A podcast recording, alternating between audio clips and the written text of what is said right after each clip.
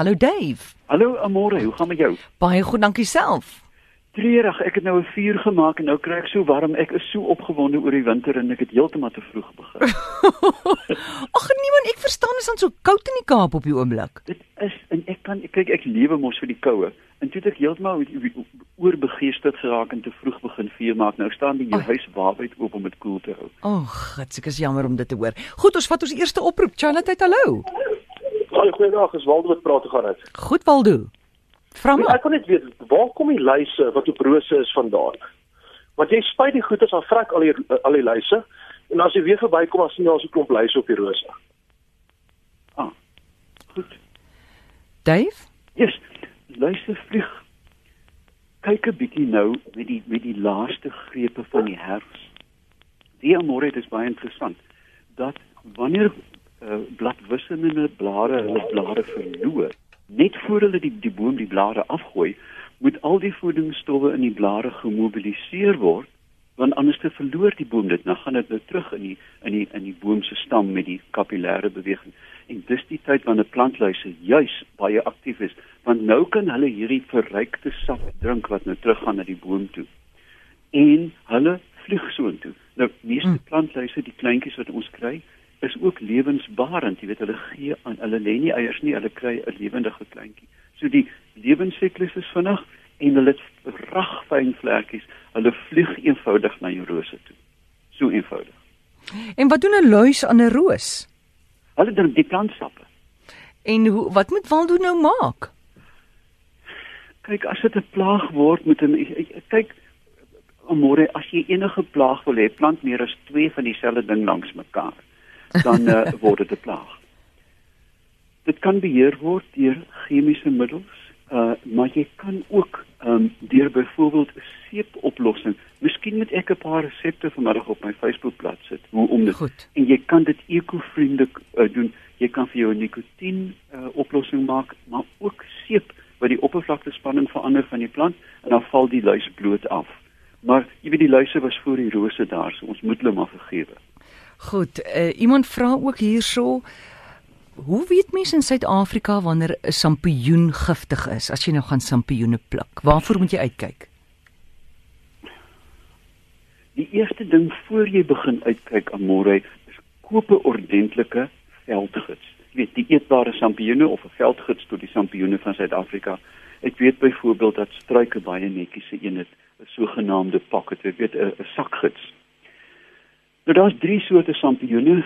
Ehm um, mus sampioene, die ding wat ons in die in die in die supermark koop. Ehm um, wat kuwe het. Jy weet daai baie die lekker smaak van 'n sampioen sit. Dan is daar mus sampioene wat spons onder het, die uh, bolitis tipe wat die lekkerste byna van almal is. En dan is daar natuurlik die bal sampioene waarvan ons bekende Nabba uh, uh, jy weet die lekkerste van almal is. So meeste van ons wat gaan sampioene pluk in die veld sal dan en ehm um, daar's 'n vierde een die rakswamme natuurlik. Ehm um, sal jy natuurlik kyk na 'n sigbare sampioen gewoonlik met 'n wit keppie, maar amore hier lê die groot gevaar jy moet onder geen omstandighede as jy 'n amateur is 'n sampioen pluk met wit nie, want die giftigste sampioen op aarde, die sogenaamde deathkap duiwelsbrood um, Amanita muscaria en Amanita capensis um het die witkuwe. Nou hulle is klaar blyklik volgens die wese wat later dood is van die sampioene baie lekker. Jy verstaan jy eet heerlik in 16 uur later val jou niere uit. Jy weet nou in die tyd wanneer hy begin simptome wys, is dit reeds te laat om jou te behandel. Met ander woorde, twee goed. 'n Goeie veldgids en 'n kenner. Begin pluk met iemand wat dit al gereeld gedoen het. Um, ek neem jong mense veld toe en met 'n mandjie en 'n mes. En dan is daar twee reëls. Een, jy pluk um met die veldgids in die hand en dan kom jy terug huis toe en voor jy gaar maak, gaan jy almal weer na om seker te maak dat jy nie 'n dodelike sampioen het nie. En luister aan môre, as jy hm. dit eenmaal bemeester het, sal jy nooit weer iets in 'n winkel koop nie. Regtig? O, oh, jy jy kan die smaak eenvoudig nie vergelyk. Jy kan dit nie vergelyk nie. Die goed wat jy in die winkel koop hm. smaak mm. na karton. Ja. Met met my ma het gesê, dit smaak soos gekookte kaartbord het my ma gesê. Goed, Charlotte, goeiemiddag. Halleluja, eerste maal in my lewe dat ek weer kom. Wie's jy? Mien van Bloemfontein. Hoor ek Dave? Yes. Man, ek het 'n hartseer verskynsel hier by my huis. Ek het hier by my uh, uh, woonkamer buite aan die buitemuur kom 'n Silex muur so reg reghoekig uh, gelas aan daai muur. Het ek die dierbaarste grys vaal grys grytjie geitjies gehad. Ja. Ag, hulle is te dierbaar, so lank soos my pinkie. Is te pragtig en so mak. Ek sien die liefde in hulle oë. hulle kom partymal by die venster in, dan loop hulle so 'n bietjie die huis rond en maak die venster oop gaan hulle weer uit. Maar nou ewe skielik sien ek maar die geitjies is weg. Hier ontdek ek. Mm. 'n swart geitjie soos my middelvinger en my middelvinger is groot met 'n stukkie sterk nog aan. Vandat hy swart met 'n wit strepe langs sy kant af, van sy oë af aan die kant. Nou is my vaal grys geitjies weg. Genade. Waar ek kon hele weggejaag het. Wat gebeur hier? Ek sonder om beelde te hê van die geitjies kan ek nou nie vir jou 'n direkte antwoord gee nie. Ja, hallo. Hallo. Wil jy min wil jy gou by die by by die by die huis by die radio luister of, of kan ek asseblief by die radio luister? Ja. Kan jy voor nie? Jy wil jy nog 'n vraag vra? Nee, nee nee nee, ek ja. ek het die ek het die vraag netjies bymekaar. Ja. Goed. Geitjies kom uh, gereeld by menslike strukture en wonings voor hoofsaaklik omdat daar nie aandligte is want hulle is insekvretend. Met ander woorde, heel moontlik is daar naby mense is 'n uh, geitjie 'n uh, kolonie 'n lig want dan loop hulle nou saans rond in Vredgogas. Daar um, is 'n groot aantal geitjies in Suid-Afrika. Um die, die mooiste vir my kom met 'n Makoland waar hulle hom noem 'n sagte voetjie. Hy het mos so 'n goue voetjie as hy jou vat. Veral as jy in 'n slaapsak lê in die middel van die nag en hy vat aan jou wang. Hoe dit ook al sê. Um ek weet nie wat daar gebeur het nie. Een van twee dinge is moontlik. Daar mag 'n mate van verdringing wees, maar ons weet ook dat reënspinnekoppe, daai groot goed wat ek so voorskree, um ook geneig is om geitjies en klein verkleurmannetjies te vang. So ek weet nie of daar dalk 'n spinnekop ingetrek het wat hulle een vir een opgewis droog gesuig het. Mm. Um as die luisteraar vir my moontlike fotootjie kan kry, al is dit net van 'n selfoon en dit na my webwerf stuur, dan kan ek miskien 'n meer akkurate aan antwoord gee. En miskien, jy weet, mens kan paddas soen en dan kry jy 'n prins, miskien net bes die geitjie dalk soen en kyk wat gebeur.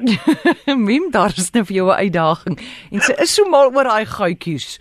Ja, maar kyk hulle het liefde in hulle oë, so ek dink is 'n soenwerk. Ja, hoorie so. Dave, maar sy sê nou nou is daar hierdie groot donker swarte of donker een. Hoeveel uh, verskillende geitjies kry jy dan nou in Suid-Afrika? O, ek kan nie nou uit die vuis sê nie, maar ek sou dink dat die orde van 15 of 20 spesies ten minste. Maar hulle eet nie mekaar nie, nê? 'n Donker nee, groter nee, een. Ek dink hulle is redelik vredelewend, maar hm. hulle is natuurlik ook geografies geskei. Jy gaan nie 'n Kaapse geitjie um, in Mpumalanga hm. kry nie. Ek meen ons het mos maniere. Goed, Charlotte, hallo. Goed, Charlotte, hallo. Hallo. Ja, praat maar. Goeiemôre. Ah, ja, praat maar. Amore, goeiemôre, Dave. Um, yes. Ja, ek wil graag net uh, weet wat dit van twee diertjies geword. Uh, ek het hulle laas gesien toe ek nog redelik klein kind was. Ehm um, en dit is 'n 'n viervliegie en 'n verkeermannetjie. Hmm. Weet jy wat dit van hulle geword? Ek kan vir jou eintlik 'n baie goeie verklaring gee vir beide een van die grootste impakte op verkleermannetjie bevolkings in in Sorry, sorry, ek hoor jou skakel, kan ek op die radio luister? Ja, asseblief. Ja. Moet ek van voor af vat dan? Ja, verkleermannetjie? Ja. Ja, die grootste impak op verkleermannetjie bevolkings is elektriese heininge. Jy weet hierdie goed wat jy skok. En Ja. Ja, gaan kyk by enige groot waar daar 'n plant naby aan die heining is, sit daar 'n droë handjie en uitgeholde oogies, kirkdroog waar hy gevat het aan die draad. Um, so, ek dink 'n mens kan eerstens jou verkleermannetjie bevolking in jou tuin beskerm deur alle plante weg te snoei van hierdie elektriese heininge af. Dat hulle eenvoudig nie daar kan uitkom nie. En ook dink ek as 'n mens 'n 'n bestuur het van so 'n wooneenheid en sê kom ons doen dit gemeenskaplik dat ons al ons verkleermannetjies um beskerm.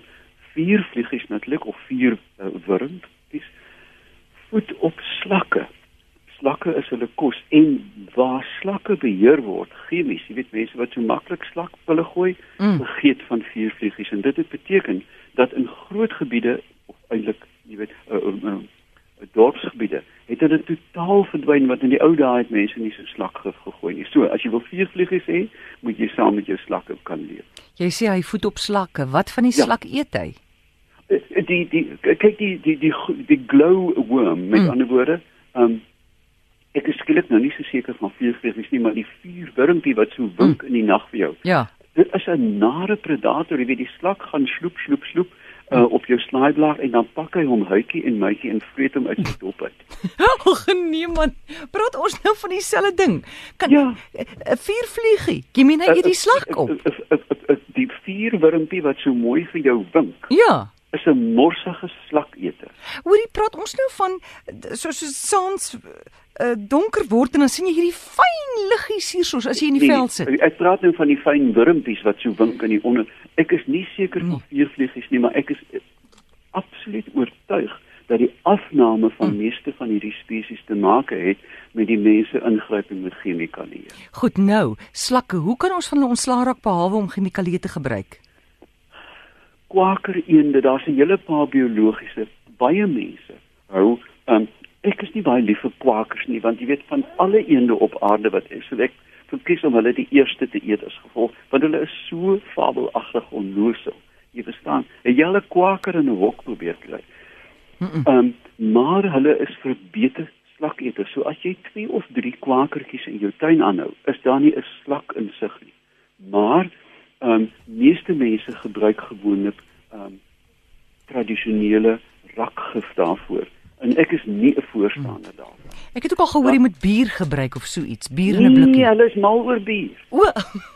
O. Nee, Amore as jy nou 'n as jy nou 'n Oktoberfest Mm. wil hê in jou in jou kropslaai akker, dan moet jy nou bier daar staan. O, goed, goed, Ja, goed. jy kan ook natuurlik, um, hulle is nie lief om oor sand te seil nie. Met ander woorde, as jy gewone bousand vir jou 'n- om jou om jou vreedbare Mm. ehm um, tuin 'n klein randjie gooi, dan sou slakke beswaarlik daaroor beweeg.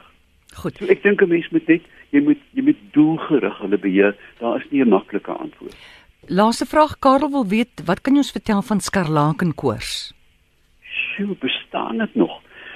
Toe ek 'n kind was, was dit 'n ernstige ding. Ehm um, dit is 'n streptokokus wat in jou keel gaan sit wat vir jou seer keel gee, een van die streptokokkies. Ehm um, uh dit was altyd baie gevaarlik. Ek onthou in Robertson is huise onder kwarantyne geplaas, kinders se hare is geskeur, voortog hulle het gelyk of hulle uit 'n konsentrasiekamp uitkom. Ehm um, dit is uh, begin gewoonlik met 'n koors, seer keel. Ehm um, jy kry effens seer uh, kliere onder die keel en dan word die tong eers wit, jy weet so byna soos 'n hangover tong. Ehm um, en 'n dag of later word hy werklik soort van arbei rooi. Mm. En dit is waar die skarlaken vandaan kom. Skarlaken rooi, dan's ook 'n uitslag op die liggaam. Maar dit kan baie maklik behandel word, maar ek dink dit is een van die siektes wat mense deesdae baie min oor bekommerd is, want ek het in jare nie daarvan gehoor. Goed. Dave, waar kan ons jou in die hande kry? in die hande op uh, gewoonlik op Facebook waar mense vir my op onmoontlike vrae vra, maar kyk hulle kan my nie uitvang nie want ek 'n navorsing doen. en dan van gister af het ek ook 'n nuwe tuisblad, davepeppler.co.za propvol oninteressanthede, so stories en artikels so goed.